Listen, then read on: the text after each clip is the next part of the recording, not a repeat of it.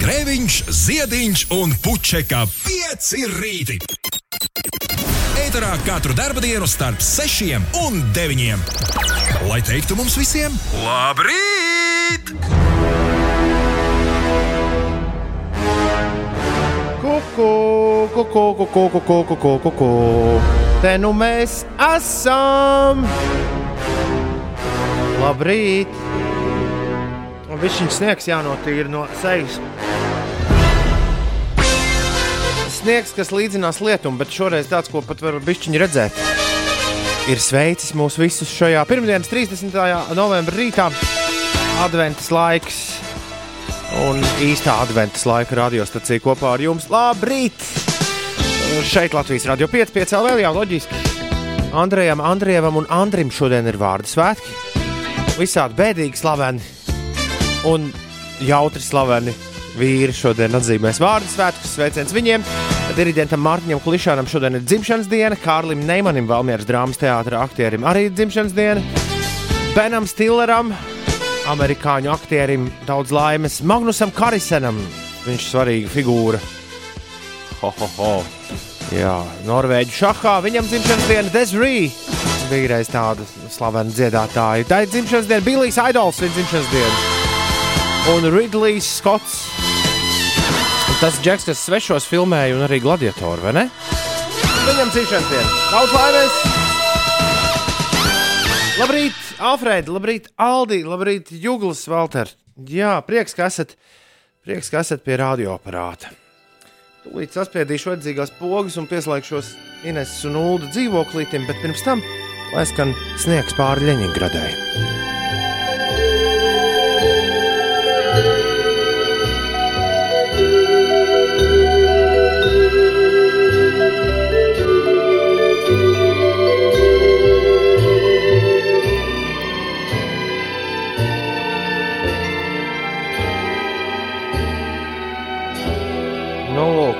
Leņņģeradas sniegs 6 un 11. Tūlīt, tu zini, ko, no kurienes kājas šim aug? Nē, nav ne mazākās nojausmas. Kājas šim aug no slavenas kinofilmas, kur bērns skatīties cilvēki ļoti bieži 1. janvārī tieši. Es domāju, tas ir kaut kāds tur amerikāņu džēza orķestris. Nē, nē, tas ir padomju Savienības Mikaela Tarīverģeva orķestris. Sniega. Tā ir tā vieglu garu. Jā, jā, jā, jā, jā. Man liekas, ka viņi ir, man vismaz ir saglabājušās atmiņas, ka viņi ir nenormāli gari, un es nekad neesmu sapratusi, par ko tā filma ir, un neesmu nekad noskatījusies līdz galam. Jā, tur kaut kur pa vidu apmēram tā, ka viņi to, to dzīvokli dzīvojas, zūd fokus mazliet. Jā.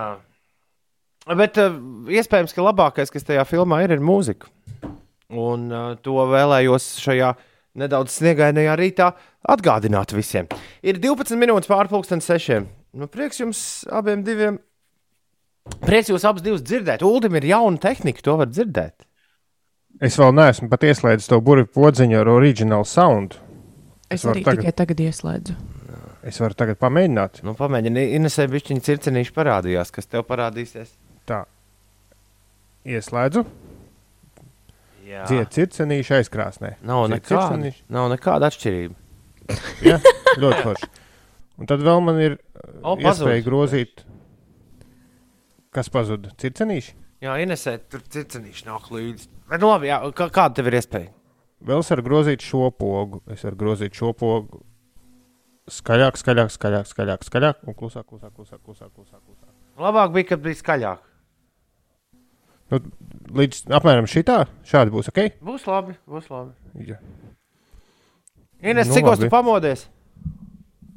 Šorīt? Uh -huh. Neteikšu.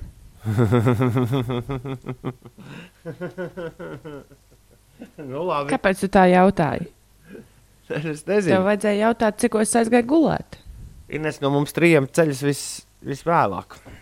Šajos laikos, tad, kad mēs neesam visi kopā. Ir tāda lieta. Jā. Bet cikos tu aizgāji gulēt? Jūlis aizgāja ap vieniem. Jā. Cikos tu aizgāji? Labi, es mazliet ātrāk nekā Uldis, apmēram ap pusvieniem. Malacīši. Nu, nekas, nekas. Bū... Drīz jau lielā izgulēšanās pa svētkiem. Jā. Ko, kas tev tur šodien? Kur es apjuku pie lielās izgulēšanās, domāju, kad tas būs. Es arī nevarēju saprast, par ko to mums kā, nu, nu- runā. Paies, dod pieci, pienāks Ziemassvētki, un tad līdz 4. janvārim viss jūs liks mierā. Mm. À, es nemaz tā nebiju par to padomājis. Sanāk, Jā, sanāk pusotra nedēļa brīvības. Jā, nu kaut kā, kaut kā jāizdomā, kā jums augstu ūdeni uzgāzt. savādāk, savādāk sajūta, ka varētu vienīgi jūs tur abi divi laisties atpakaļ dusā. Bet tā nu viss te nebūs. Ines, pastāst, kas notiek. Šajā rītā daudz vietā Latvijā, galvenokārt valsts centrālajā un austrumu daļā, nedaudz sniega. Sniega segas biezums pārsvarā nepārsniedz 2 cm. Ceļi daudz vietā ir slīdeni un debesis lielākoties mākoņainas. Dienas laikā Latvijā arī lielākajā daļā gaidāmi nokrišņi, galvenokārt neliels sniegs. Piekrastē un kurzemē iespējams arī lietus, tā prognozē sinaptiķi. Vairāk sniegs vidzemē un arī vietām zemgalē, valsts centrālajā un austrumu daļā spēkā Latvijas vidas geoloģijas un meteoroloģijas centra dzeltenais brīdinājums. Līdz vakaram vietām izveidosies 5 līdz 7 cm bieza sniega sega. Starp mākoņiem daudz vietā uzspīdēs saule, pūtīs lēns vējš, galvenokārt dienvidu, dienvidu rietumu vējš, un gaisa temperatūra šodien būs no mīnus 1 plus 3 grādiem piekrastē, eh, vietām līdz plus 5 grādiem. Rīgā ilgstoši sniks ar mazu līdz mērenu intensitāti, gaidāms lēns dienvidrietumu vējš un gaisa temperatūra būs plus 1 grāds. Un, eh, nu, ziņa no vakardienas, bet uh, droši vien jāatgādina cilvēkiem pievērst uzmanību. Vakar pievakarē līdz ar pirmo adventu Rīgā iedegtas pilsētas galvenās Ziemassvētku egles. Un, uh, Es nemaz nezināju, ka šīm eglēm ir nosaukumi. Šogad Rātslaukumā ir skatāma egla meža pasaka, Doma laukumā egla kraukšķītis un egla konfektes rotās 11. novembra krasmalu. Protams, Rīga nav vienīgā pašvaldība, kurā ir iedegtas Ziemassvētku eglītes, arī citās Latvijas, pas, Latvijas pašvaldībās. Tātad, tas ir noticis. tātad mūsējā ir kraukšķītis. Jā, Skaidrs. Ir un deviņi. ir izslēgts, un toties ir izslēgta gaisma televīzijas tornim pirmo reizi. Ko mēs lai to, ko lai mēs ar to informāciju darām? Nezinu, varbūt kāds dzird, kam tas kaut ko dod. Varbūt kāds vienkārši aizmirsis iesprāst, nu, stepseli. Naktī dega. Labrīt, parasti klausos jūs pie stūres, rakstā Anna, tad uh, rakstīt nedrīkst. Bet šorīt rokas brīvas pēc darbīgas nakts, tāpēc sirsnīgs sveiciens sniegotajā rītā. Un vismaz Valmiera ir īstās svētku noskaņās. Un paldies par dot pieci tēmu. Tik aktuāli! Nav par ko. Ir uh, 6,23. Jā. Labrīt, Rīga, labrīt, Latvija, labrīt, pasaule. Šeit piedzirītī. Grēviņš doma laukumā, puķek un ziediņš katrs pa mājām. Esam radio tiltā visi labi saslēgti. Draugi nav labi, vai draugi nav labi, vai draugi nav labi? Ko, tā bija uzruna, draugi. Nav, nav labi. Nav Ne jau labi. tas, ka draugi nav labi. Ai, draugi nav Es labi. gan ietvītoju, ka draugi nav labi. Nu, tā kā Ai, seriāls. nu arī tā var būt. Tu nekad neesi draugs skatījies nopietni. Tu tā nemaz nevari teikt. Dra mans, mans Netflix algoritms, es nesen vēlreiz pārbaudīju, man piedāvā tikai Queen's Gambit vai draugus. Tajā paskatīties kaut ko. Jā, bet ja tu viņus abus divus noskipo, tad tev viss kaut ko jaunu sāks rādīt. À, nu es tur neko vairāk nespēju. Es katru reizi, kad uzspiežu tās pogas, katru reizi tur ir vai nu Friends vai nē, nu tur, tā, Gambit. nē, tur tā doma ir tāda, ka tu vari vēlreiz uzspiest to, tev ir tāda iespēja izvēlē. Tad, kad tu kaut ko esi palaidis uz dūlo, tad tu vari uzspiest vēlreiz. Un tad viņš kaut ko citu tev sameklē. Jo man viņš, Jā, arī, bet- man, viņ- man viņš arī uzreiz uh, sākumā grib, lai es skatos stā, vai nu Star Trek, vai arī šo te uh, Big Bang Theory, ko es, no kura gan man pumps metas. Tad es parasti tos pas aizsūtu, tā teikt, maliņā. Ja? Paldies, šitos man nevajag, un tad rāda citus. Tā kā tev jāpamēģina padarboties bišķi vairāk ar to podziņu. À, es, es negribu, man nav tāda vajadzība, bet man fascinē tas viņa pirmais piedāvājums vienmēr. Un draugs rāda visu laiku pa televizoru. Ieslēdz katru dienu, tur kaut kādā ap pusdienas laiku, tur rāda 4-5 sērijas kaut kādā kanālā. Tā kā es esmu draugus tā pa laikam paskatījies. Nu, fonā kaut kas tur notiek ļoti forši. Vai tad ļoti forši vai nav labi? Nē, nu, draugi nav labi. Tā mums vakar pateica. Kāds bija? Jā, tur Twitterī lasīju šorīt daudz, katram savs viedoklis, ko, kāds ir bijis patiesais mērķis vakardienas uzrunai. Vakar pulksten 19.50 pārtraucot televīzijas ierasto programmu, parādījās mūsu valsts premjeras Krišjāns Kariņš ekrānā un, un norunāja nu, kaut ko. Nu, es nezinu, kaut ko tādu, ko mēs visi, tā, ko, man liekas, labi zinājām. Nu jā, un vienīgais jaunais, ko viņš teica, bija tas, ka, ka, ka droši vien pagarinās to ārkārtējos situācijas Jā, laiku. ka viņš rosinās pagarināt. Nu, bet tas tā, ka jebkur, es ļoti atvainojos, bet jebkuram, kurš bija šķiet draudzējis ar veselo saprātu, bija, skaidrs jau dienā, kad man liekas, to pirmo izsludināja. Bet Tad jums liekas, ka no šīs uzrunas nebija pilnīgi nekādas jēgas. Nu, es, ne, Es domāju, ka- ne, es nedzirdēju. Ne. Es domāju, ka vienkārši kāds, uh, nu, manuprāt, pareizi ir izdomājis, ka neviens nerunā ar cilvēkiem. Un tad atnāca un parunāja. Jā, vienka- to es arī biju dzirdējis, ka cilvēki ir neizpratnē, kad īsti nesaprot, kas un kā notiek. ka Tiešām vajag kādu, kas parunā ar cilvēkiem visiem saprotamā valodā. Nu, parunāja. Pateica, draugi nav labi. Jā. Atkal, kāpēc viņš to darīja? Neko nesapratu. Bet man liekas, ka tas ir diezgan veselīgi. Tā ik pa laikam tomēr atgādināt to, ka nu, nav labi. Jo man liekas, ka ir manāms eh, cilvēkos tāds vispārējais nogurums no tās situācijas, kāda ir. Un, un pamazām varbūt sanāk tos grožus palaist, varbūt kādam vaļīgāk vai kā. Bet Ar norunu, ka nākamreiz teiks, ka, nav labi. jā, nākamreiz, lai saka, ka ir, ir labāk, draugi ir labāk.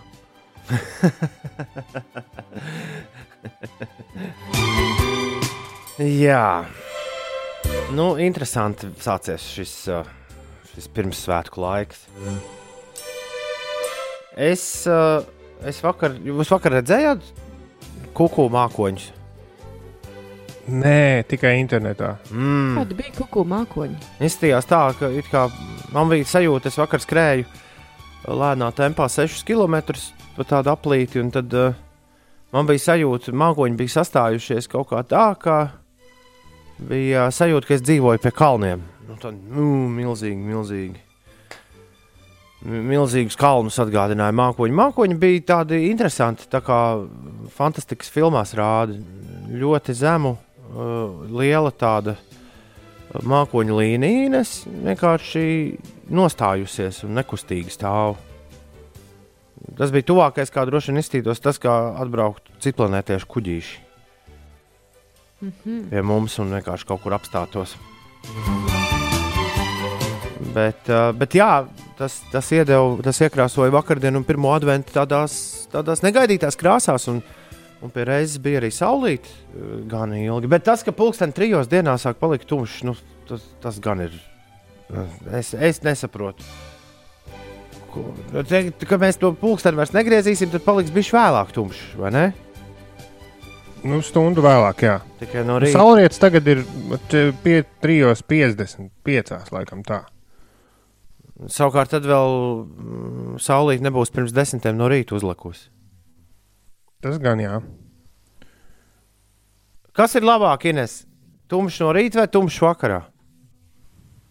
Mm. Man liekas, mazliet tie vakari patīk gaiši. Nu, re. Do pieci. Man arī.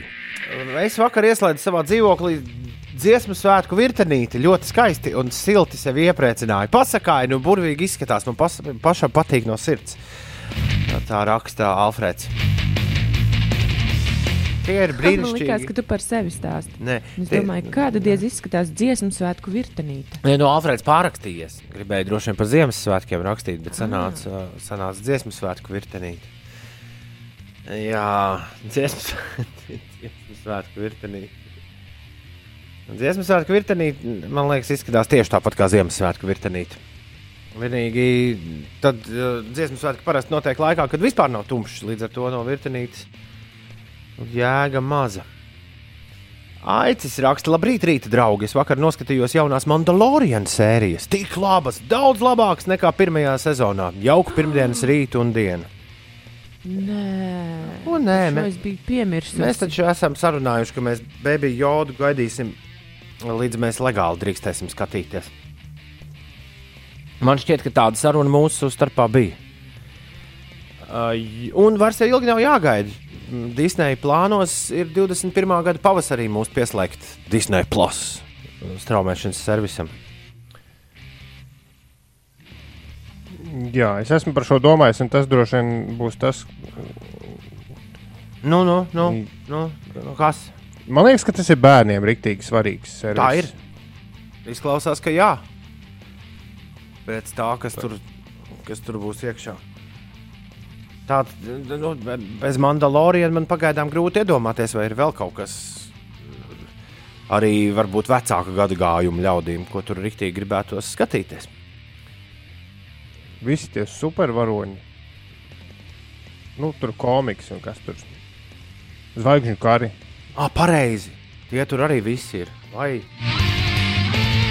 Tad tāpēc televīzijā nākamā svētdienā rādīs zvaigžņu karus. Nu, pēdējā iespēja droši vien. Jo tad, kad, tad, kad ieradīsies Disneja Plus, tad viss cauri. Teiks, Nekā. Tas jāskatās pie mums. Man ļoti interesē, vai būs, vai piepildīsies prognozes par to, ka ļoti, ļoti daudz uh, satura Disneja Plus uh, straumēšanas servisā būs latviešu valodā. Un vai slīpsvītra ar latviešu titriem. Jo visi tie tulkojumi viņi jau fiziski pieder pašam Disneyam nu, vai, vai Pi- Pixar kompānijai. Un, uh, un līdz ar to viņi var viņus izmantot, kā viņi vien vēlas un kur vien viņi vēlas. Skaidrs, ka nu, mūsu tirgus ir pārāk mazs, lai kāds kaut ko tādu, tā es liktu ziņā nākotnē, lai kāds kaut ko turpinātu dublēt. Droši vien, droši vien ā, tad, kad kinoteātris nobeigsies pavisam. Bet vismaz vecās filmas nu, vajadzētu būt. ka visas būs smuki latviešu valodā skatāmas tur. Iedomājieties, visi rotaļlietu stāsti latviešu. O! Maziem cilvēkiem vienkārši nu, paradīze, ne savādāk.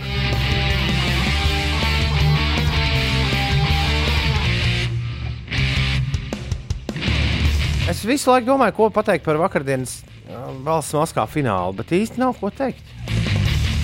Ulds bija izbrīnījies par to, ka viņi bija divus finālus nofilmējuši. Neizbrīnījies. E, e, Es vienkārši sajūsmā par to. Nu, tad es domāju, kurš kāpēc? bija pirmais fināls un kurš bija otrais, ko viņi filmēja. Tad noteikti var ar Āminātu sarunāt, lai viņi tev parāda no savu finālu. Viņai droši vien atsūtīja. Piedod, nu, nesanāca. Nē, nu, kaut kas vienkārši, kāpēc es šo atradu, tāpēc, ka kaut kas Twitterī rakstīja, ka bija, nu, ka bija nu, kaut kas tur likās atgādni tajā brīdī, ka paziņo uzvarētāju, un tad otrajai vietai saka, tu tagad ej projām, ar tevi mēs parunāsim pēc brīža. Jo parasti tev ir otrādi. Nu, vispirms izrunājas ar to otro vietu, un tad ķeras klāt tam pašam uzvarētājam. Jā. Nē, nē, ļoti, ļoti forši, nu, ka tā var visu kaut ko attālināt, izdarīt un safilmēt. Un... Jā, bet tas nu ir beidzies, un redzēs, vai līdz otrajai sezonai šis šovs arī tiks. Es vakar parasti ie- ieslēdzot, man dēls ļoti gribēja redzēt, ar ko tas viss beidzas. Tas tāpēc arī mēs bijām pie televizora, bet tad nesagaidījām beigas, jo mums nāca mieg, miedziņi.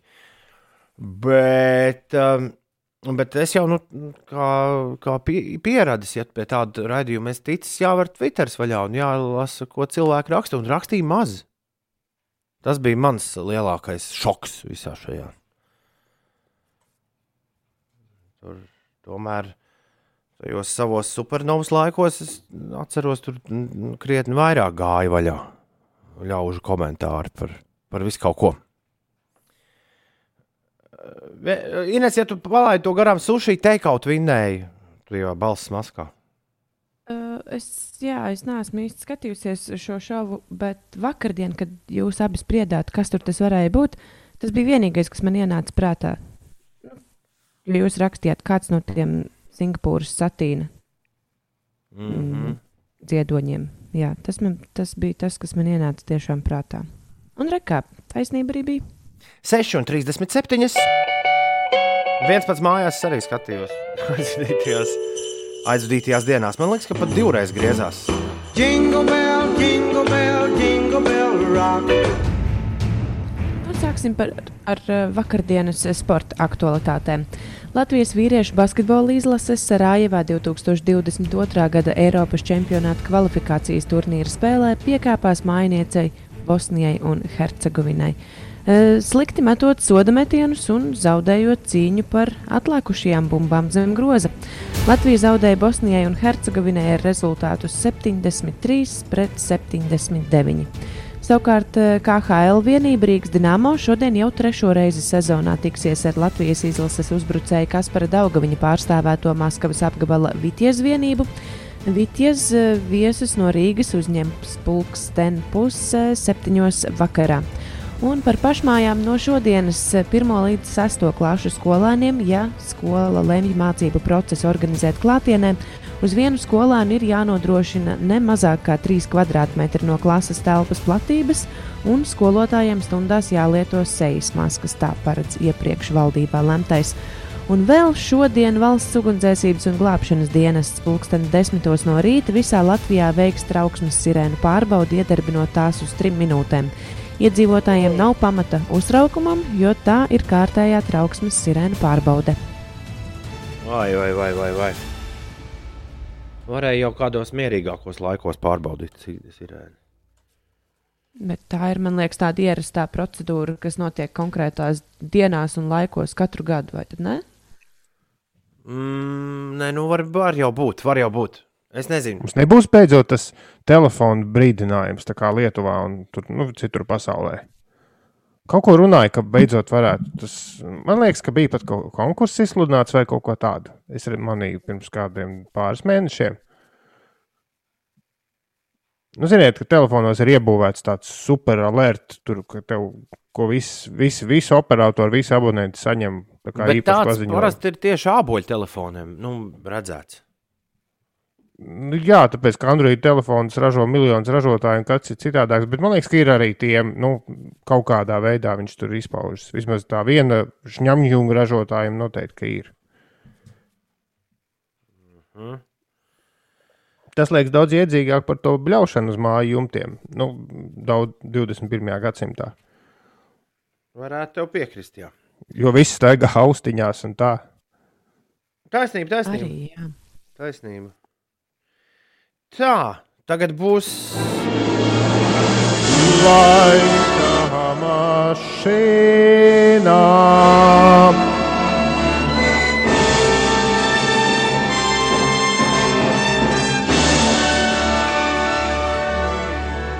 Seši un 43 ir pareizais laiks. Laika mašīna ir atkal klāta. Kā alaž šajā laikā? Un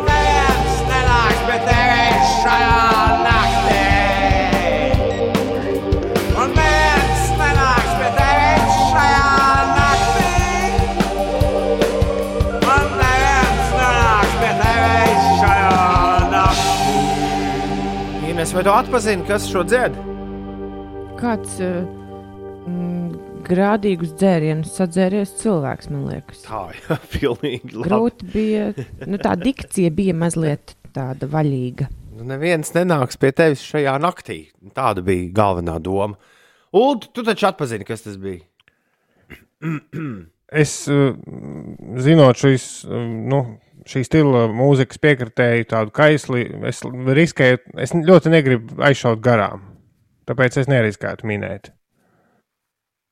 Interesanti. Jā. Inokentijas mārplis tas bija. Nu, tas, tā, bija, tā bija pirmā versija, bet tur, tur tik daudz ir visādi, nu, vēl visādas grupas, kas, kas līdzīgi dzied. Ka... Un es šo topos kaut kā vienkārši neatceros. Krapis, krapis Reidens priecīgs par Ineses komentāru. Tikai diviem klausītājiem izdevies uzminēt, uz kuru gadu mēs šorīt esam devušies. Pūce un Māris. Iet pie leduskapja kaut ko garšīgu apēst. Ines un Ulu, nu, šaubos, ka jums kādas izredzes tikt pie garšīgām mantām. Ulu, kurā gadā mēs bijām? Nu, nezinu, 2014. Ulu saka, 2014. Inês ņēma kuru gadu? Fanu dziesma man ir ļoti, ļoti pazīstama. Man liekas, ka tas ir 2012. vai 13. Kurš no abiem?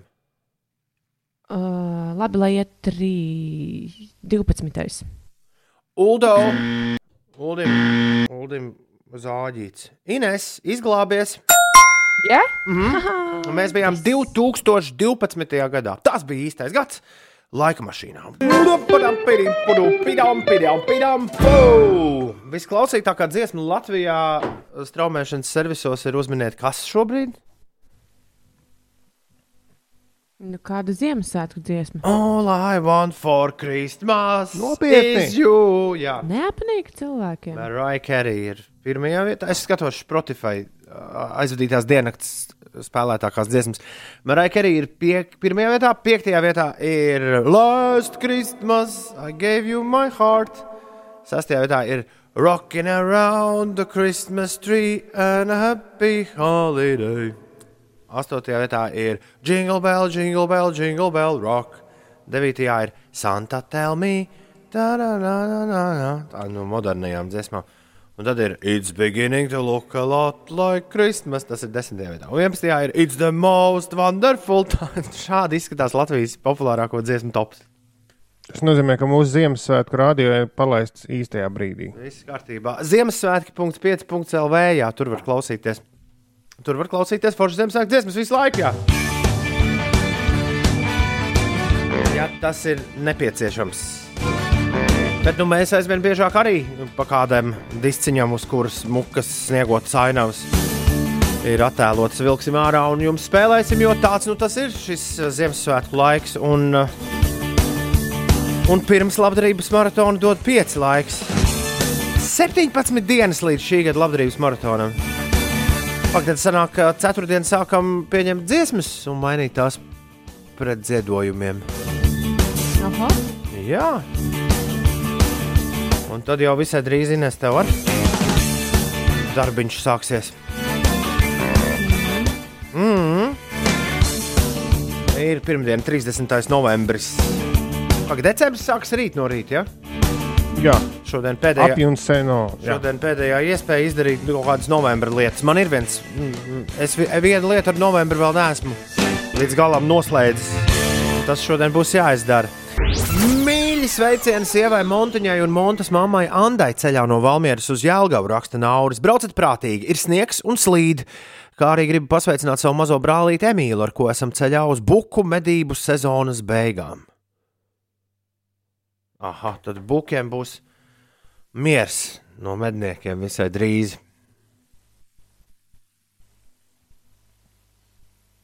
Krāpes Reinis raksta, ka es varēju arī rīta dziesmu topu izdziedāt. Es pirms mirkli dziedāju visas Ziemassvētku dziesmas, kas ir šobrīd, šobrīd uh, po, populāras. Jā. Bija, To nekaitīgu mārplu dziesmu noteikti varēja izdziedāt. Pavisam noteikti. Ir, uh, ir 6 minūtes pāri septiņiem šobrīd. Labrīt! Esam jaunu darba nedēļu iesākuši. Visi kopā esam, jā, esam uz zirga. Un patiesībā nekāda vaina, vai ne? Iet pa ceļu, nagu laks, nagu laks, nagu laks. Labrīt! Mūsu Rīga Latvijā! Cēlies augšā! Mieru, tikai mieru. Šeit Latvijas radio 5,5 LV 5 rītī! Grēviņš, Ziediņš un Puķakā! Tā, kur man te jubilāri pazuda? Pat jau kaut kur bija. Šodien ir And Andreju diena, ja? Andrejiem, Andru dienu. Andri, Andrievi un Andreji. Eju, mēs taču tūlīt ar vienu Andreju saslēgsimies. Būs tāda lieta, ja tur kaut kādu virtuālu dāvanu sameklē. Diriģentam Mārtiņam Klišānam dzimšanas diena, Valmieras drāmas teātris aktierim Kārlim Neimanim arī svētki. Benam Stilleram, Magnusam Karlsenam, Desiree, Billijai Aidolai un Billijam Aidolam un Ridlijam Skotam ir dzimšanas. Ailiša, ko tur mums esi izdarījis? Billija Aidola. Nu, tā. Šodien daudz vietā Latvijā snieg un sniks arī Rīgā, un iespējams tādēļ arī Rīgā veidosies mazliet lielāki sastrēgumi nekā ierasts. Šobrīd viestura prospekta pagrieziens uz tilta ielu ir sastrēdzis uz 10 minūtēm, un kārļa Ulmaņa gatavas posmā no Ojāra Vāciešu ielas līdz vienības gatavei arī tur aptuveni 10 minūšu kavēšanās. Savukārt Latvijas ielā posmā no Gogoļa ielas līdz Sateklas ielai ir jārēķinās ar 9 minūtēm. Citvietā aptuveni 5 līdz 6 minūtes pavadīsiet. Un, jā, par laikapstākļiem tikpat kā visā Latvijā šodien sniks, piekrastē gan vietām gaidāms lietus, daļā vidzemes un zemgales izveidosies aptuveni 5 cm bieza sniega sega. Daudz vietā autoceļi būs slīdeni, pūtīs lēns dienvidu, dienvidrietumu vējš, maksimālā gaisa temperatūra 0,5 grādi. Rīgā apmācies laiks, sniks, pūtīs lēns vējš un gaisa temperatūra plus 1,2 grādi. Atgādināšu, ka rīt ir 1. decembris. Rīt pavisam noteikti visām automašīnām ir jābūt aprīkotām ar ziemas riepām. Vēl par uh, aktualitātēm pašmājās novembrī Rīgā un piecās citās Latvijas pilsētās atklāts vērienīgs notikums - publiskās mākslas programmas kopā objektu parāde. Nu, tāda kā objektu skata ir aptuveni desmit projekti, kas ir izvietoti Rīgā, Cēsīs, Daugopilī, Liepājā, Madonā, Valmierā Un eh, šajā laikā no 30. novembra līdz 13. decembrim var balsot par šiem objektiem sabiedrisko mediju vienotajā portālā LSMLV, un šos objektus var arī apskatīt eh, gan LSM, gan arī dzīvē. Labi, viss skaidrs par šo 21 minūti pār septiņiem. Es paskatījos, kādu mums te laiku sola tālākā prognozē.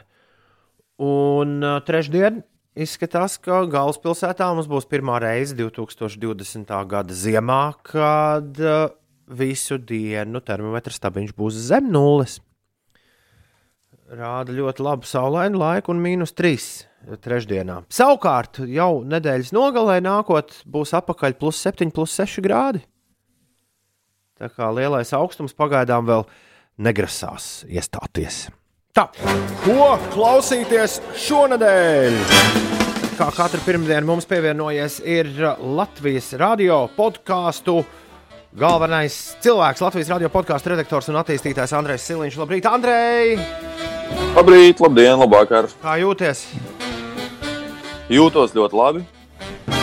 Sveici, Gandrīz. sveiciens Ja svētkos, Andrej! Sveiciens svētkos! Paldies, paldies, paldies. Ja, paldies. ja tu redzētu to torti, kas ir šeit studijā, tev par godu sagādāt. Bet to Labu apetīti! Paldies, paldies!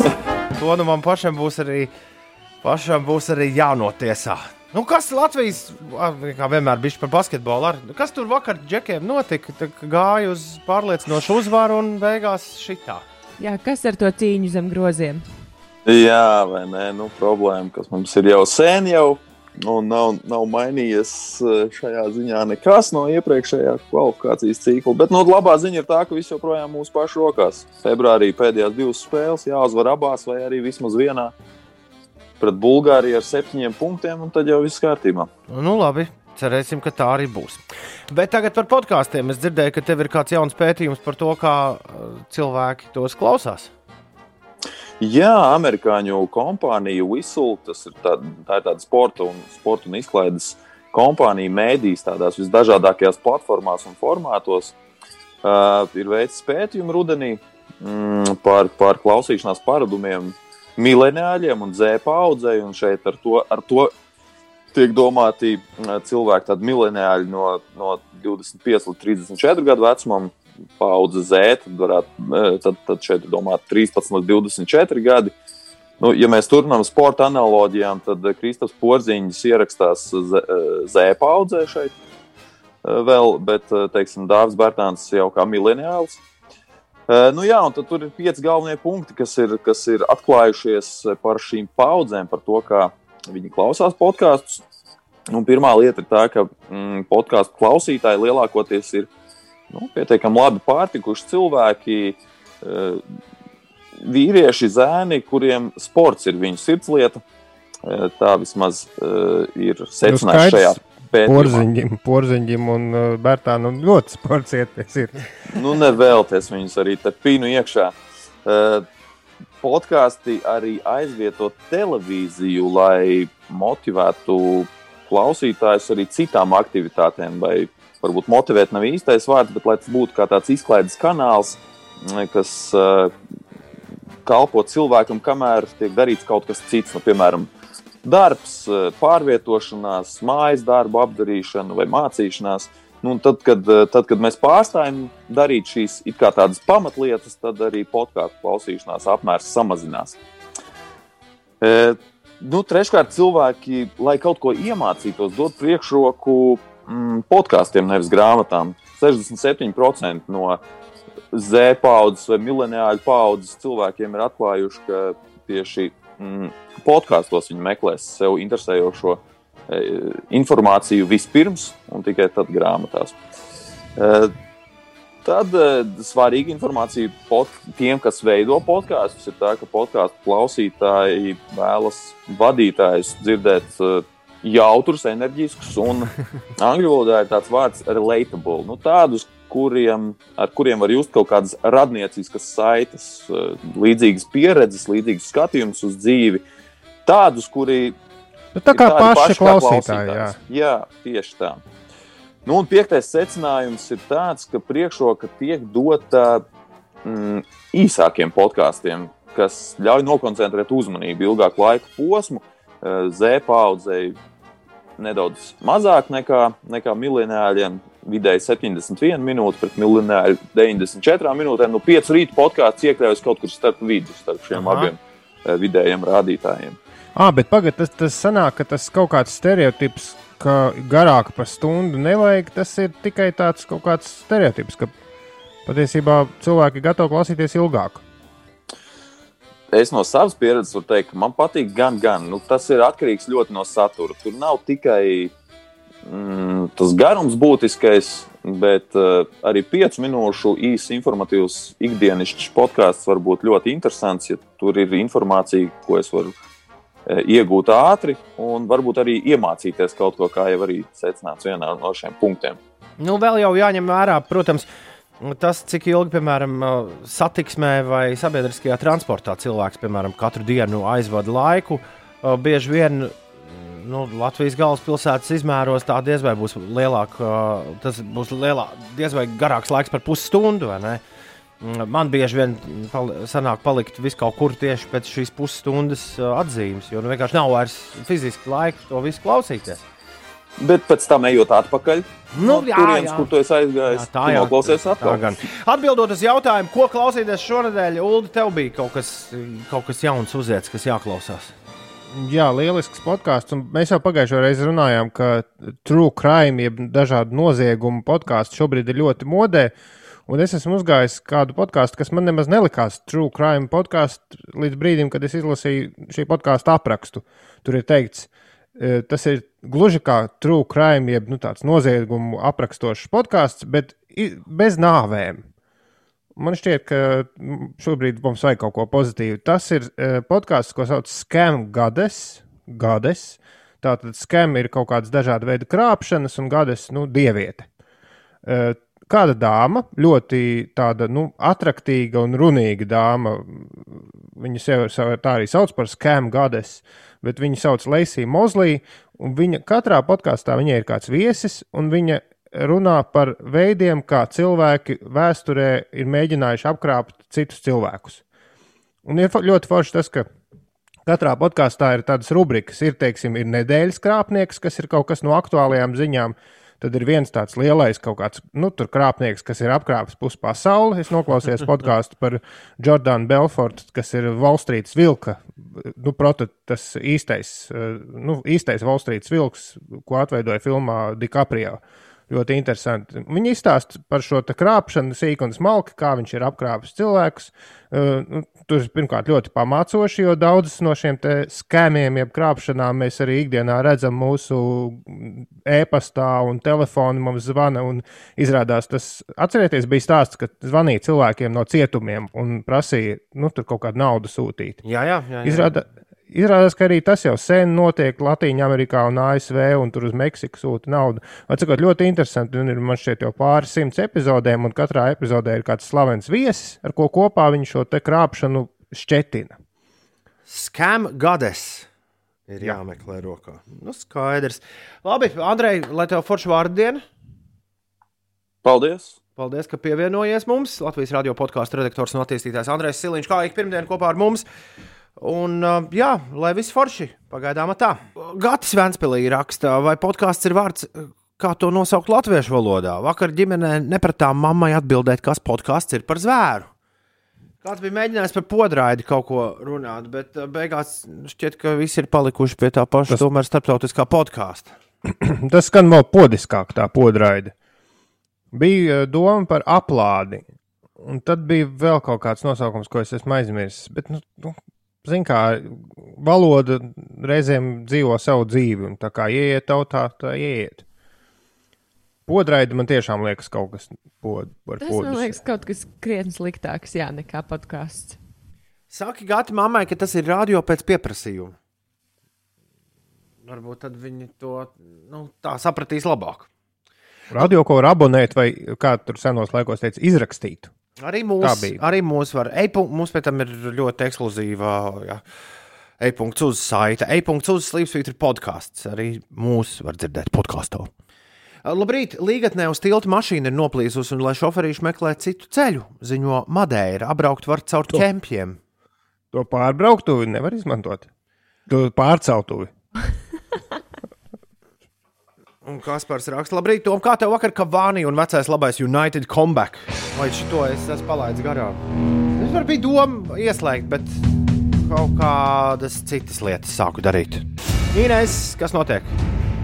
Nu, ir mazinājušies sastrēgumi Rīgas ielās. eh, Pagaidām Kruspils ielā posmā no Rencēna ielas līdz Granītielai ir aptuveni 10 minūšu kavēšanās. Citviet gan viss ir mierīgi, bet eh, atgādināšu, ka pat laban Latvijā daudz vietas sniega un galvenie autoceļi var būt eh, apladojuši un eh, slideni īpaši vidzemē, Latgalē un arī valsts eh, centrālajā daļā. Tā kā esiet prātīgi braucēji, rīt obligāti visām automašīnām ir jābūt aprīkotām ar ziemas riepām. Šodien, jā, tāpat tikpat kā visā Latvijā, sniega piekrastē gan gaidāms nelielas lietus, daļā vidzemes un zemgales izveidosies ap 5 cm bieza sniega sega. Pūtīs lēns dienvidu, dienvidu rietumu vējš, maksimālā gaisa temperatūra 0,5 grādi. Rīgā laiks apmācies arī sniega, būs lēns vējš un plus 1,2 grādi eh, šeit. No šodienas 1 līdz 6 klasu skolēniem, ja skola lemj mācību procesu organizēt klātienē, uz vienu skolēnu ir jānodrošina ne mazāk kā 3 km no klases telpas platības, un skolotājiem stundās jālieto sejas maskas. Bet uh, tikmēr citās Eiropas pilsētās jau pamazām, pamazām mīkstina uh, Covid-19 dēļ noteiktos ierobežojumus, piemēram, Polijā un Čehijā. Polijā pēc trīs nedēļu pārtraukuma darbu atsāka veikali lielai, lielajos iepirkšanās centros, taču apmeklētājiem vēl jāievēro stingri profilakses pasākumi, un Čehijā valdība paziņoja, ka valstī par vienu pakāpi esot pazemināts trauksmes līmenis. Līgatnē nekas nesot mierīgi. Tā raksta kāds klausītājs. Kas tad tur? Tur tā mašīna, kas, kas tur bija Nu, noplīsusi. Madeira, visu jā, tur ziņoja, ka īsti neiet uz priekšu satiksme nekādā veidā. 7,43 ir pareizais laiks. Uh, Ineses geogrāfijas spēlē, kā katru pirmdienu ir klāta. Šī nebūs tā reize, kad Inês iesprūksies. Oi, es aizmirsu uztaisīt jautājumu. Tad šī ir geogrāfijas spēles jautājums. To, to uz vienas r- rokas pirkstiem varbūt varētu vispār saskaitīt visā šajā laikā, cik Nu, es taču man augstos. reizes nav Es, sanācis. es vispār neatceros tādu Nu, nu, reizi. nu skaidrs, Aizkadrā. Aizkadrā gan ir bijis. Labi, Bet tad Ines saņems. Ines, Jā, Ines, piemēram, šorīt arī. Es pēdējo jautājumu izdomāju šorīt, jo vakardien es domāju, domāju, par ko pajautāt, un sapratu, ai, nē, jāiet gulēt. Labi. Bet labi, es saprotu, ka jūs esat jau sagatavojušies rakstām, jau katru pirmdienu, kur jau gadiem, pierakstīt ir? ga, jau gadiem geogrāfija. Labi, tad pirmais jautājums. Ir kaut kas, kas iet kopā. Jā, klausos. Visvienkāršākais. Kurā no Baltijas valstīm nav uzbūvēta māja kājām gaisā? Nu, jūs zināt, tās apgāztās, apgrieztās mājas. Jā, Tās ir, man liekas, pasaulē diezgan populāras. Tātad, kurā no Baltijas valstīm šādas nav? labi. Otrais jautājums. Otrais jautājums. Kurā Baltijas valstī atrodas dejojošais mežs? Dejojošais mežs. Jā, daži to sauc arī par piedzērušos mežu, bet man labāk patika nosaukums dejojošais mežs. Dejojošais mežs. Labi. Mm -hmm. Nosauciet pilsētu, kurā atrodas vienīgā munīcijas ražošanas rūpnīca Baltijā. Munīcija. Ražošanas. Rūpnīca. Labi, ir. ir jā. Kā sauc upi, kas Igaunijas ziemeļos veido robežu ar Krieviju? Mm. Un pēdējais jautājums, kurā Baltijas valstī ir degakmens raktuvju muzejs? Šis muzejs patiesībā ir diezgan īpašs. Tur var ielaisties eh, zemē, tādās kalnraču uh, raktuvēs un pastaigāt pa turieni. Degakmens. Jā. Degakmens. Uh, Degakmens Kāds bija jautājums? raktuvju muzejs. Kurā no Baltijas valstīm ir šāds muzejs? Ulu varēs diezgan daudz ko, ja, ja labi paveiksies. Nu, uz dūlo. Viens pret trīs. Jā, Jā, viens pret trīs. Ines, var vēlreiz ceturto jautājumu? Es nedzirdēju, sā- man sākums tur bija Upe, upe Igaunijas ziemeļos jāmeklē mums. Jā, kas, Kas ar kas veido robežu ar Krieviju? Meklēsim. Labi. Paldies, tev, Ines, par jautājumiem. Tagad mēs ļoti ātri apdomāsimies, un tūdaļ pat būsim atpakaļ ar atbildēm. 7,45. Labrīt! Tā dīdžejiem saka, iedod man vienu hitu. Re, kur ir? Re, kur? Draugs mans, Sour J. 7,47. Ines geogrāfijas spēle! Laiks atbildēm! Tā šodien īsā apdomāšanās mums. Es, Jā, Es tev, uz es, tev jautājumiem. es tev nebiju ieslēdzis. Atvaino. Sāc runāt vēlreiz, Ines. Labāk vienkārši lasīsim jautājumus un lasīsim atbildes. Kurš, kurš, kurš atbildēs pirmais, izdomā? Man liekas, ka tā kā mums bija neizšķirts, tad tu varētu pirmais. Labi, sarunāt. Es skatos, ka mums daži klausītāji ir atbildējuši pilnīgi pareizi uz visiem jautājumiem. Es ceru, ka arī jums Wow! kādam veiksies. Tātad, pirmais jautājums, kurā no Baltijas valstīm nav uzbūvēta māja kājām gaisā? Latvijā! Es arī saku Latviju. Jā, lai gan varbūt par to nemaz nav jāpriecājās. Bet jā, pirmie, kas uzbūvēja, bija lietuvieši, tad igauni un tagad nu, latvieši iepaliek mazliet. Labi, Mums otrais jautājums. Jā, labi. par dejojošo mežu, kurā no Baltijas valstīm tāds atrodas.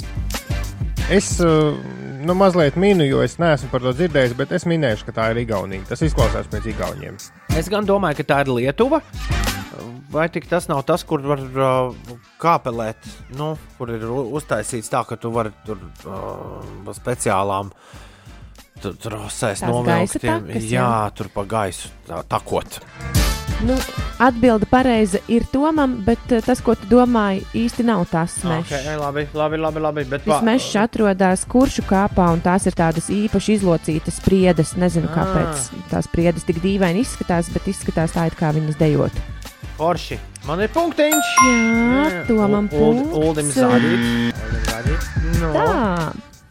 Trešais jautājums. Nosauciet pilsētu, kurā atrodas vienīgā munīcijas ražošanas rūpnīca Baltijā. Tā būs pērnava. Nu, man ir tikai, es pieļauju, ka varbūt šī vairs nedarbojas un ir Lietuvā kaut kas jauns uzbūvēts, bet man liekas, ka tā ir Daugopils. Puh. Paldies, Ulu. Jā, tā ir Daugavpils. Jej! Skrošu skrošu rūpnīca. Jā, tas esot viens no apskates objektiem, kur noteikti vajag Daugavpilī Kāpēc aiziet. mēs tur nebijām? Jā, kāpēc jūs tur nebijāt? Jā, tas ir Nu, labs labi. jautājums. Nu, jā, labi. Tā tad sauc to upi, kur uh, veido robežu Igaunijai ar Krieviju. Es esmu tā braucis pāri, bet nosaukumu neatceros. Minēšu, ka tā ir tāpat kā pilsēta, sauc Nārva. Jā, es arī saku, ka tā ir Nārva. Nu, jā, šis bija mazliet āķīgais jautājums. Tā ir Nārva. Jā. Jej!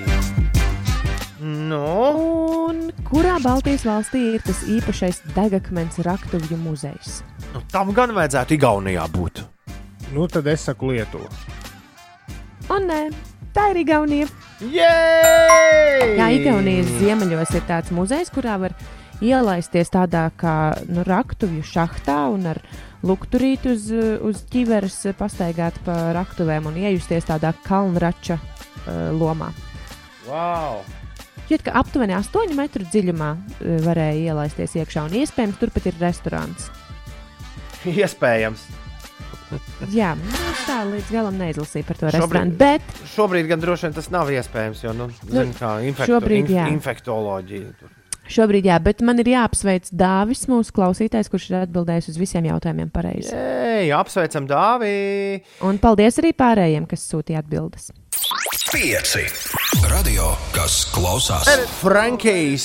Jā, mēs nepateicām rezultātu. Es vinēju. 4-3. 4-3. Jā. Tas dejojošais mežs, kurš kāpu Krievijas daļā. Jauku dienu, raksta Ārnis. Jā, gan Krievijas daļā, gan arī Lietuvas daļā. Mašīna līgatnē laikam ir aizvākta, Jānis ziņo, jo notiek raita kustība abos virzienos, vienīgi kamēr mašīnu kilometru rindas izklīdīs. Bija aptuveni 10 km sastrēgums, sēžam jau 30 minūtes. Žēl, ka ziņa par sastrēgumu atnāca vēlu. Noteikti, Jā, noteikti tur nebrauciet. Jā. Ļoti ātri mainījās uh, sastrēgumā pavadāmais laiks, un cilvēki jau daudz ir izmēģinājuši tos dīvainos apkārtceļus, kas ved sastrēgumam. Bet man liekas, ka tas ir garāks uh, un ilgāks pasākums nekā izstāvēt atlikušo sastrēgumu. Un Zīņš raksta, labrīt, piecēni. Viņš šādi mūs nosaucis. Labrīt, piecēni. Es no labzemes cēsīm uz darbu laižu. Te viss balts darbs līgatnē. Kas tur ar to satiksmi bija? Nu, Zīņš. Pats tu tūlīt pārbaudīsi, kas tur ir. Ir pirmdiena, 30. novembris. Nu ko, vēl tikai bišķi, bišķi, bišķi, un tad uh, labdarības maratons dod pieci un svētki. Un atkal gads sāksies no sākuma. Bet nu vairs nebūs 2020. gads. Ir, ā, jā, rīktīgi tumšs vēl joprojām aiz loga, bet gaisma sāk kaut kur, kaut kur parādīties. Šur un tur snieg, šur un tur sniks ā, cauri visai, mm, visai dienai. Ziema, draugi mīļie. Un, jā, rīta radio, kā vienmēr, savā vietā. Vienīgi tie rīta darbi ir krietni ir krietni droši vien savādāki nekā citās reizēs. Jo Tu domā, jātīra sniegs no mašīnas? nu, ļoti daudziem ir darbi mājās. Nu. Ā. Nu, nu, tā kā nav Es ļoti ceru, ka tā ir. Ka tiešām darba vadītāji ir saorganizējuši, ka cilvēki var darīt darbu no mājām. Daudz var darīt, daudz nevar. Tie, kas nevar, tie ir ar mums kopā. Tie, kuri var, tie droši vien vēl dažs labs čučs un celsies vēl tik vēlāk. Es vakardien vienu brīdi tiešām eh, nu, ap, izsvēru visādus variantus, kas notiks, ja kaut kādu apsvērumu dēļ nu, premjerministrs paziņot kaut ko tādu, kas liktu mums šodien visiem būt mājās. Nekādu nevarēja izdomāt, kā mēs to dabūtu gatavu. Mm. Gan jau. Es domāju, nē, nu, a, tu domā, ka ja es te nevarētu ierasties domu laukumā nemaz. Jā, un ja mēs to būtu uzzinājuši vakarā, astoņos vakarā, Bet vai nu tā tiešām būtu? nu jā, Parasti jau, jau, parasti jau to tomēr pasaka kādas pāris dienas. Bet es kuru katru brīdi būšu gatavs eh, pārvākties uz, eh, uz šķūņu studiju. Un nākamnedēļ mēs iesim gaisā no tās. Tas jau nu gan ir tā kā pilnīgi skaidrs. Man tur pāris vēl, pāris vadi ir jāsakontakt, jāsakonektē kopā. Un eh, man šķiet, citu, ka tas šodien tiks izdarīts. Tā kā, tā kā nu tad, lai, tad, tad, lai arī ziņo būsim, būsim gatavi arī, arī kaut kādiem jauniem pagriezieniem. Viegli runāt tiem, kas no mājas var strādāt, raksta ķirsis. Nu, nu, ir darbi, ko nevar. Jā, nu, nu. Neviens jau nesaka, ka tiem ir kaut kā tur. jā. Labrīt! Celies augšā! Mieru, tikai mieru. Celies augšā un skrienam uz priekšu. Sveiciens tētim Andrim Vārdienā! Katrai ir vislabākais tētis pasaulē, un vislabākajam tētim pasaulē šodien ir vārdiena. Sveiks, Andri! Lai forša tev diena, lai arī Andrejam forša diena, un Andrievam arī. Andri, Andreju un Andrievi šorīt īpaši labā garstāvoklī mostas. Viņam visādi pārsteigumi cerams šodien būs. Diriģents Mārtiņš Klišāns arī mostas labā garstāvoklī, viņam dzimšanas diena, tāpat kā Valmieras drāmas teātris aktierim Kārlim Neimanim.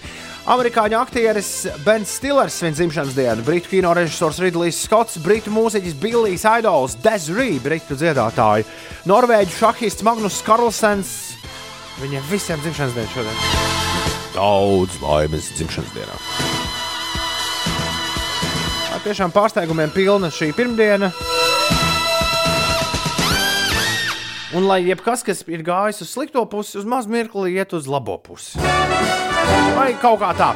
Ir desmit pār astoņiem. Priecīgs Ziemassvētku, dāmas un kungi. Oh, the weather outside is frightful. Agnēs raksta, lai arī jau mēnešiem strādāju no mājām, aizvien no rītiem jūs klausos, lai saglabātos kaut kāda sajūta par normālību manā ikdienā. Paldies, Lielas Agnēs. Uldis teica, ka tava ziņa ir jāizprintē un jāpieliek pie sienas. Printeris izprintēja, bet es neaizgāju līdz printerim. O, forši. Bet uh, tas tiks izdarīts. Uh, dažreiz, jā, jūsu izziņas var nonākt arī studijā pie sienas. Ir 20 minūtes pāri astoņiem. Ines, kas notiek? Tas sastrēgums, par kuru cilvēki runāja šorīt uh, Līgatnes pusē, tur vēl joprojām ir neliels sastrēgums, bet es ticu, ka tas ir uh, krietni mazinājies. Pagaidām tur ir jāpavada 13 minūtes.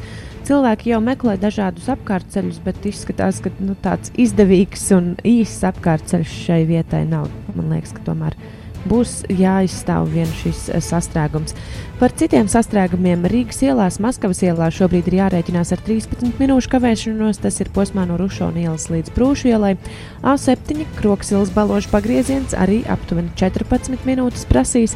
Maskavas ielas pagrieziens uz krasta ielu sastrēdzis uz 13 minūtēm, Viestura prospekta pagrieziens uz tilta ielu tur 6 minūtes. Kārļa Ulmaņa gatavē ļoti līdzīga situācija un arī Vanšu tilts centra virzienā pārbraucams teju 6 minūšu laikā. Citviet gan aptuveni 3 līdz 4 minūšu kavēšanās. Čau, eterbiedri! Etera cilvēki! Arti Valf. Pak, nu, tagad man tā kā jārunā. Attālinies, lūdzu. Jā. Turpiniet, turpiniet. Novembrī Rīgā un piecās citās Latvijas pilsētās klusi atklāts vērienīgs notikums - publiskās mākslas programmas kopā objektu parāde. Uh, jā, objektu parāde. Tur ir uh, izvēlēti desmit projekti, kuri ir īstenoti Rīgā, Cēsīs, Daugopilī, Liepājā, Madonā un Valmierā. No 30. novembra līdz 13. decembrim Latvijas iedzīvotāji ir aicināti nobalsot par savu iecienīto objektu parādes darbu. Balsot var sabiedrisko mediju vienotajā portālā lsm.lv. Tas, no, tas uh, balsošana notiek līdz 13. decembra pusnaktī. Un, Jā, par savu favorītu ir iespējams balsot reizi dienā, autorizējoties ar savu sociālo mediju profilu vai e-pastu. Un šos visus darbiņus, kas ir izstādīti vidē, var apskatīt attiecīgi pilsētās līdz pat 10. janvārim, un visi objekti ir atrodami arī Google Maps kartē. Jā, es sāku pētīt, kādi tie objekti ir. Jā. Un nevienu no viņiem neesmu redzējis. Bet Madonā robotu kaķēns Indričs izskatās ļoti funky. Viņi nu. ir no Fantadroma uztaisījuši nu, pilnīgi reāli to, uh, to kaķīti, Mm -hmm. kas tur lidinājās apkārt. Labrīt, labrīt, labrīt, labrīt, labrīt, labrīt, labrīt, labrīt, labrīt. Vakar Latvijas top 40 kā jau vēlažas svētdienās skanēja šeit Latvijas radio 5, 5 LV ēterā. Kāda ir rezultāti par to, lai stāsta Arts Volfs? Artis Volfs savu auto mazgā vidēji trīs reizes gadā. Taču valsts svarīgāko hit parādi Latvijas top 40 viņš vada 52 reizes gadā. Latvijas top 40 Svētdienās, 5 pēcpusdienā, 5 LV. Labrīt, labrīt, labrīt. Čau, čau, čau. Tie ir Arts Volps un Latvijas top 41. desmitnieks. Šonadēļ izskatās šādi. Latvijas top 40. Desmit, Plus viena pozīcija Billijai Eilish ar Therefore I Am. deviņi, Uz leju par trīs pozīcijām Ozols un Zebrena ar antidepresanti. astoņi, Kritums par trīs pozīcijām Sigala un James Arthurs ar Lasting Lover. septiņi, Uz augšu par desmit pozīcijām Aminēta un šis ir mans laiks. seši, Plus septiņas vietas BDS un Dynamite. pieci, Uz augšu par trīs pozīcijām Ariana Grande ar Positions. četri, Vietu saglabājas State McCree un You Broke Me First. Trīs. Vietu saglabājuši arī Joel Corey un MNK ar Head and Heart. Divi. Vietu saglabājas arī Sam Smits un Diamonds. Un jau ceturto nedēļu pēc kārtas numur viens ir 24K Golden un Ian Dior ar Mood. Latvijas top 40. Numur viens. Jep. Joprojām pirmajā vietā Latvijas oficiālajā hitparādē 24K Golden un Ians Diors ar Mood.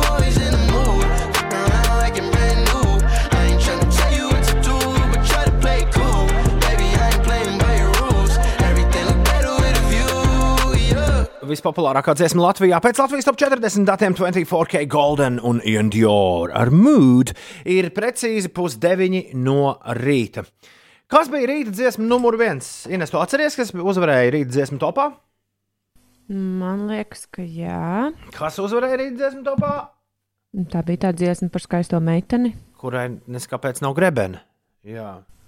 PND uzvarēja rīta dziesmu topā. Tops ir kaut kur nopublicēts, Ulu.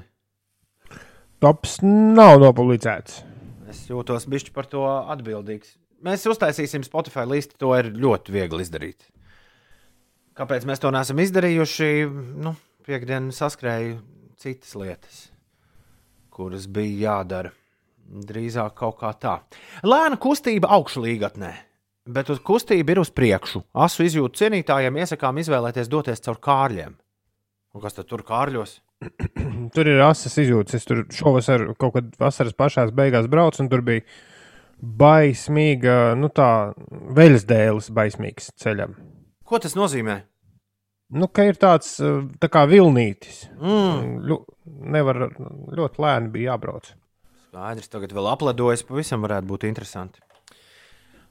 Ja jums kas sakāms, vai kas vaicājams, droši 29, 31, 200. Līdz šī gada labdarības maratonam dod 5, atlikušas 17 dienas. Cik nu vairs Sako ir- līdzi, Jā. dod 5 LV. Cik, cik nu vairs ir atlicis līdz labdarības maratons dod 5, patiešām ies vaļā. Un uh, ik pa laikam esat mums sūtījuši dažādus jautājumus, kas saistās ar labdarības maratonu dod 5, un līdz labdarības maratonam dod 5. Šis ap pusdeviņiem no rīta arī īstais laiks, lai mēs uz šiem jautājumiem jums atbildētu. Uldā šorīt prasa, kā ar stikla studiju ierobežojumu dēļ.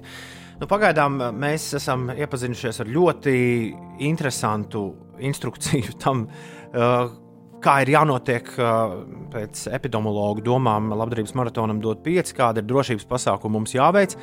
Un, protams, ka sekojam līdzi visam tam, kā situācija attīstās, un, un, un, un mēs līdz ar to arī pielāgosimies.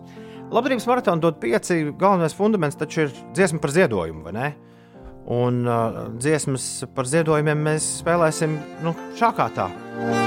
Un pagaidām izskatās, ka mēs to darīsim arī no stikla studijas, kuras būvniecība gan sāks šogad nedaudz vēlāk nekā citus gadus, jo mm, stikla studijai jā, nav obligāti jābūt, kā tas bijis uh, cit, citās reizēs, jau uzslietai pirms uh, vecrīgā sāk darboties Ziemassvētku tirdziņš. Ziemassvētku tirdziņš šogad nebūs. Un viena, pa, Oh. viena pati, jā, doma laukumā kopā ar Eglīti, stikla studija mirdzēs eh, šajā Ziemassvētku laikā. Tā galvenā lieta, m, par ko mēs neesam plaši runājuši, runājot par drošības apstākļiem, ir tā, ka DJs un studijas viesus iespējamos atdalīs stikla siena. Un uh, trīs diskžokēji kopā ar uh, vecāko, vecāko inženieri dzīvos savā burbulī, kurā netiks ielaists neviens cits cilvēks. Un Tātad, uh, respektīvi, cauri visam maratonam mēs nesatiksim fiziski nevienu cilvēku, kurš būs, kurš būs tur ieradies. Uh, viņi visi būs aiz speciālas stikla sienas, un uh, arī jūs abi ar Ines, ja jūs nāksiet no rītiem ciemos runāties ēterā, būsiet tur, otrā pusē, nevis, nevis mūsu studijas daļā. Nu, lūk, uh, jā. Tad līdz ar to mēs nedrīkstam viens otru satikt tuvākās uh, desmit dienas kopš pi- pirms maratona sākuma. Un loģiski arī visi galvenie, galvenie maratona dalībnieki izies uh, Covid testus iepriekšējā dienā pirms labdarības maratona dod pieci sākumu. Nu, jā, un tad ir ves- vesela kaudze, protams, uh, ar uh, noteikumiem, kas notiks. Jā, notiks tā, un notiks šeit tā, un notiks tā, bet tu, tu, tu. Es ļoti ceru, ka viss notiks tieši tā, kā ir nepieciešams. Kāds prasīja pagājušajā nedēļā pat vairākas reizes, nu, bet nu, kam tad īsti to naudu šogad tērēs? To prasa katru, Jā, Facebookā arī mums kāds to ir atrakstījis. to katru gadu prasa, vai ne? Nu, vai kam tad tā nauda būs? Uh, nu, lūk, šogad viena dziesma mm, maratona laikā par minimālo dziedā, ziedojumu 5 eiro palīdzēs šie 5 eiro stundu būt drošībā cilvēkam, kurš bēg no vardarbības ģimenē. Ziedot LV taisīs speciālu fondu, un uh, šis fonds būs paredzēts, lai cilvēkiem, kuri vēlas izrauties no vardarbības, nodrošinātu atbalstu akūtu un neatliekamu situāciju risināšanai. Un šīs situācijas var būt dažādas. Uh, šī, šis materiālais pabalsts ir nepieciešams īslaicīgai pajumtai, medicīniskai palīdzībai un ekspertīžu apmaksai, ēdienam, transportam, mentoram, kas aiz rokas izved cauri procesam, jo bieži cietušie uz to vienkārši paši nav spējīgi. Un, uh, jā, šie, šī iespējamā palīdzība ir uh, patiešām daudzpusīga. Uh, mēs noteikti līdz maratonam vēlreiz uh, kādā rītā sazvanīsim Rūdu Dimantu un par to arī lūgsim viņai pastāstīt. Par šiem ziedojumiem tiks sniegta palīdzība, kas vardarbības upuriem nepieciešama šeit un tagad, bet ko nenodrošina valsts vai pašvaldība un uz ko nevar gaidīt ilgstoši. Un statistikas dati liecina, ka katra trešā sieviete Latvijā ir atzinusi, ka ir piedzīvojusi fizisku vai seksuālu vardarbību ģimenē. Tas ir viens no augstākajiem rādītājiem Eiropas Savienībā, un Eiropas dzimuma līdztiesību indeksa vērtējums vardarbības jomā Latvijā ir 38,2, kas ir augstāks nekā vidēji Eiropas Savienības valstīs. Tur šis uh, indeksa uh, cipars ir 27,5. Mums būs sešas diennaktis, lai uh, mēģinātu saprast, kāpēc tas tā ir un ko mēs varam darīt, lai šā, šie cipari būtu savādāki. Un, protams, iespēja visiem palīdzēt, kaut nedaudz, bet palīdzēt. No 17. decembra 12. dienā labdarības maratons dot 5 notiks. Un uh, dziesmas par ziedojumiem skanēs. Šo ceturtdienu mēs sākam jūsu piecīšus iemainīt pret dziesmām. Visi tie, kuriem ir ļoti obligāti svarīgi tās dziesmas, lai noskan uh, ēterā un uh, lai, lai tās visi dzird, jums pirmajiem jābūt, uh, jāstājas rindā pēc dziesmu iegādes. Jā. Un tad, kā jau katru gadu, būsiet droši, ka savu dziesmu arī maratona laikā izdzirdēsiet. Lai skan himna, vai ne? Vai arī Ulu un Ines jums kaut kas piebilstams? Ir? Nu, man ka es varbūt gribēju, bet nu, tādu droši vien tēmu, par kur arī mums sanāks daudz runāt maratona laikā. Nu, tad es pamanīju, ka daži cilvēki, ieskaitot Elitu Veidemanu, paldies viņai par to, runā par to, ka, ka vajadzētu mainīt mērķi un tagad pievērsties uh, Covid uh, rehabilitācijai, nu, pēc Covid ekonomiskai krīzei un atbalstu, nu, nomainīt šo atbalstu cilvēkiem, kuriem vajadzētu palīdzēt, tāpēc, ka Covid dēļ ir nu, bankrotējuši, palikuši bez ienākumiem un tā tālāk. Bet, nu, laikam, ka nu, tur jāpiezīmē, ka tieši dod pieci tēma ir īpaši aktuāla pēc Covid laikā. Ar visu paliec mājās un, un, un, un vardarbība ģimenēs pēdējā pusgada laikā visā pasaulē ir krietni pieaugusi. Jā, Jā man, man līdz galam liekas pareizi tā ideja, ka vajadzētu kaut ko mainīt. Uh, vardarbība ģimenē tā ir bijusi problēma, kas ir bijusi gadiem ilgi, nu, gan pasaulē, gan Latvijā, un tā ir lieta, kur beidzot vajadzētu, ja neizskaust, tad vismaz mazināt. un izrunāt. Un, ja, Un nu, izrunāt. jā, un ja, ja cienījamā veidamans kundze saka, ka tēma ir pievilkta aiz matiem, es ceru, ka viņi to burtiski nedomāja, tad, nu, tad viņai ļoti paveicies dzīvē. Ir 8,38 minūtes. Lūk, dziesma, kas mūs vedīs cauri ceļojumam līdz Ziemassvētkiem. Dod 5, 2020. gada himna, es zinu, tu esi. Paldies par šo tēmu, kas zina, kāda būtu mana dzīve, rakstā Anete, ja kas tāds būtu pieejams pirms desmit gadiem. Un Līga prasa, vai mēs esam domājuši par dot 5 himnu albumu. Vēl pagaidām nav tur tās himnas tik daudz, ko veselā albumā likt iekšā, bet man liekas, kāda limitētā skaitā, kāda skaņu plata jāuzdod 50 gadi ar visām himnām, kas līdz tam ir tapušas. Tā nemaz nebūtu slikta doma. Nu, un, protams, visi tās ienākumi tiktu ziedot nu, tā gada konkrētajai dod 5 tēmai.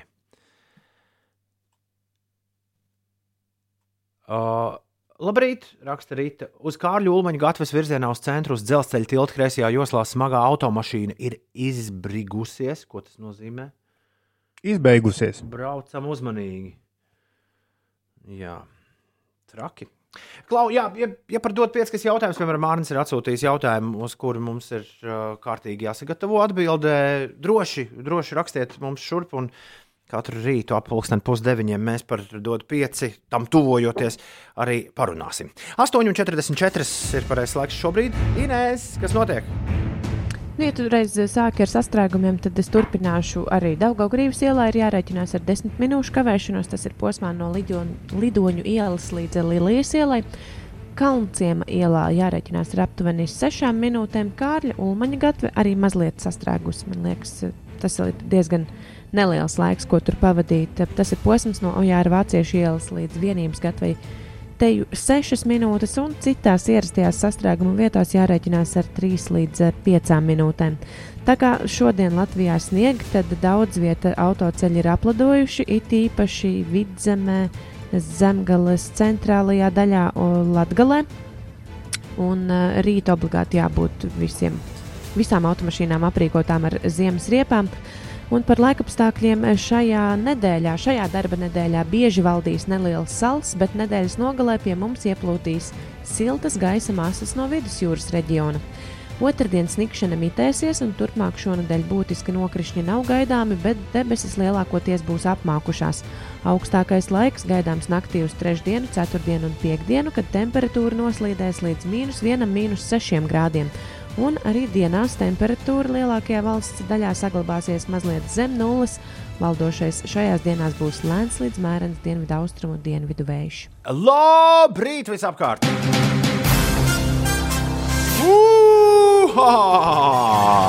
Jep! Interesantais laiks ir klāts. Interesantās ziņas. Interesantās ziņas. Jā, jā, jā, jā, jā. jā.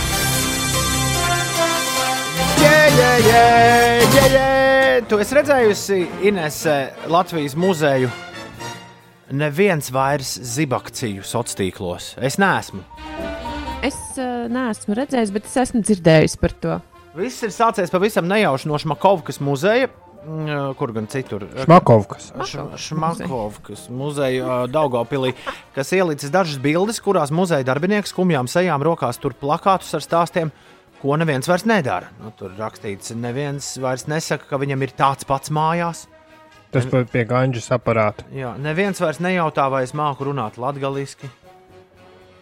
Tur pie kartes stāv vīrs, tāds bēdīgs. Neviens vairs neaiztiek eksponātus ar pirkstiem. Neviens vairs neprasa, cik maksā bezmaksas bukleti. Un ar to maisam galas vaļā. Drīz vien Šmakovkas muzejam, Šmakovkas. Šmakovkas muzejam pievienojas dabas muzejs, alūksnes bānītis un daudz citi. Mums īpaši patīk Kuldīgas muzeja bilde, kurā teikts, ka neviens vairs neēda ekspozīcijas cukuru.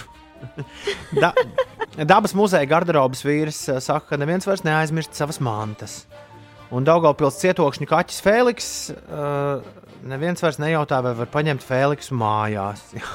Tāda viņam bilde. Bet Ulu mīļākā bilde ir dabas muzeja lielais jeps. Uh, Kas? Nu, ne, tur ir skudrlāča attēls. Neviens vairs neprasa, kas ir lielais jeps. Jā. Pie skudrlāča attēla ir rakstīts, ka tas ir lielais, jeb trīspirkstu skudrlāts. Tad lielais, jeb trīspirkstu skudrlāts. Bet, ja izlasa pirmos divus, divus vārdus, tad sanāk lielais, jeb. Jā, lielais jebs. Mūsu kolēģi no Latvijas televīzijas ziņu dienas izveidojuši apkopojumu. Jūs varat iet un paskatīties pārējās muzeja bildes. E-punkts uz slīpsvītra neviens vairs. Pagājušajā nedēļā mēs uzzinājām, ka sākusies jauna nodaļa stāstā, ko sauc par sociālo tīklu kaujas. Snapchat ir pieteicis kāru TikTokam. O?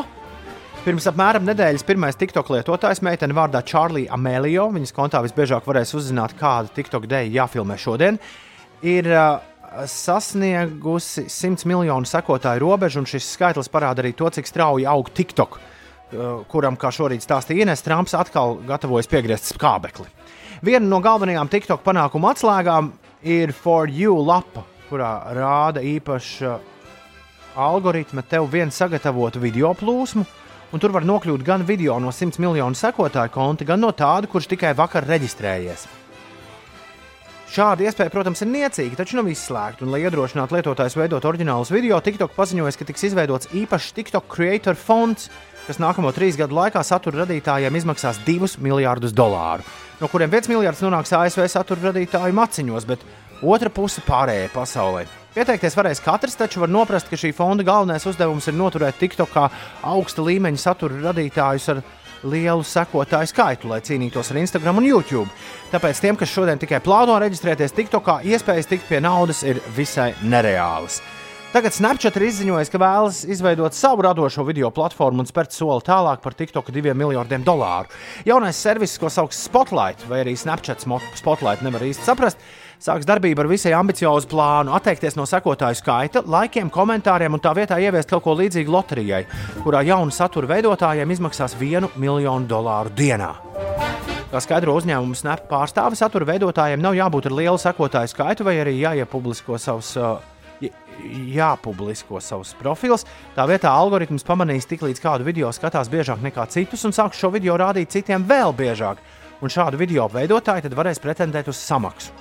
Tas nozīmē, ka Snapchat veidotājiem, kas vēlēsies piedalīties šajā viral video loterijā, nebūs obligāti jākļūst par publisku personu. Piemēram, Ulas varēs likt savus kaķus spotlightā, bet neviens tā arī neuzzinās, ka tas ir Ulu video.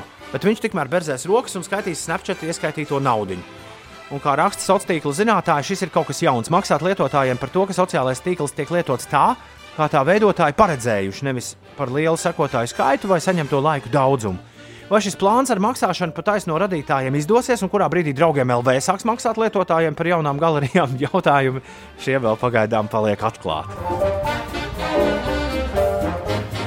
Vēl man interesē, vai, vai arī mēs, nu, kas nākam no tiem maziem tirgiem, vai arī mēs tomēr uz kaut kādu naudu varēsim pretendēt, vai tas tikai, ja tu esi Amerika, amerikānis vai brits.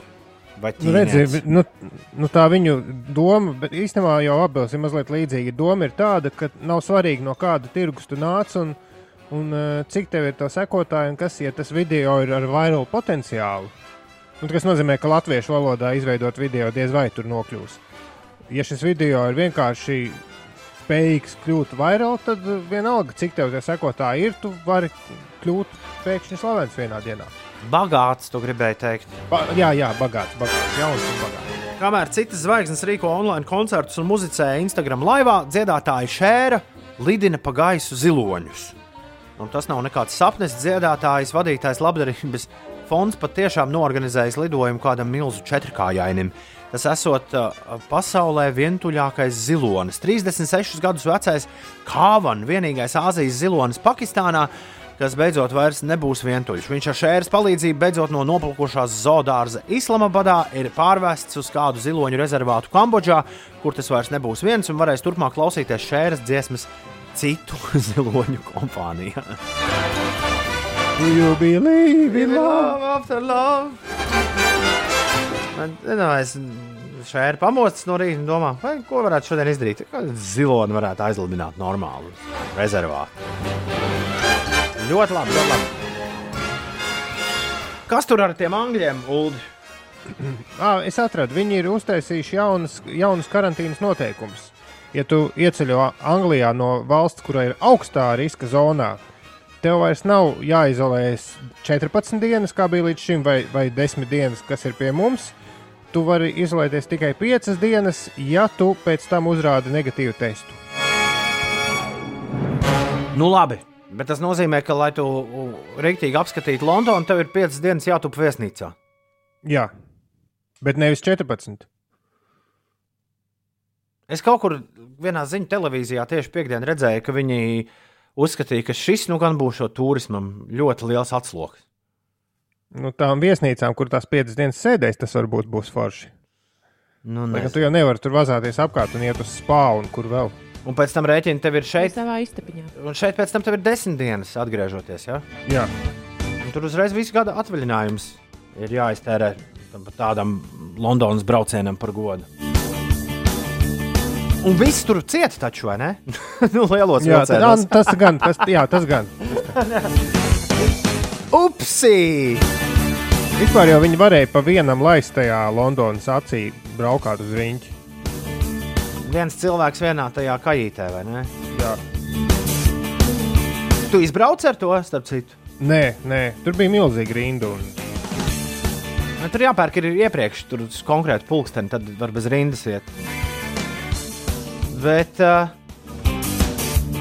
maksā tas daudz, un uh, tas bezmaksas gaisa tramvajs, ne, nu, viņš par to pašu transporta biļeti, ar kuru tu metro brauc. Tas gaisa tramvajs patiesībā tas pats vien ir. Kas tur no auto arēnas iet pāri? Labi, viss cauri. Pieci rīt atpakaļ rīt. Paldies, ka klausījāties! Visu labu! Ātrāk!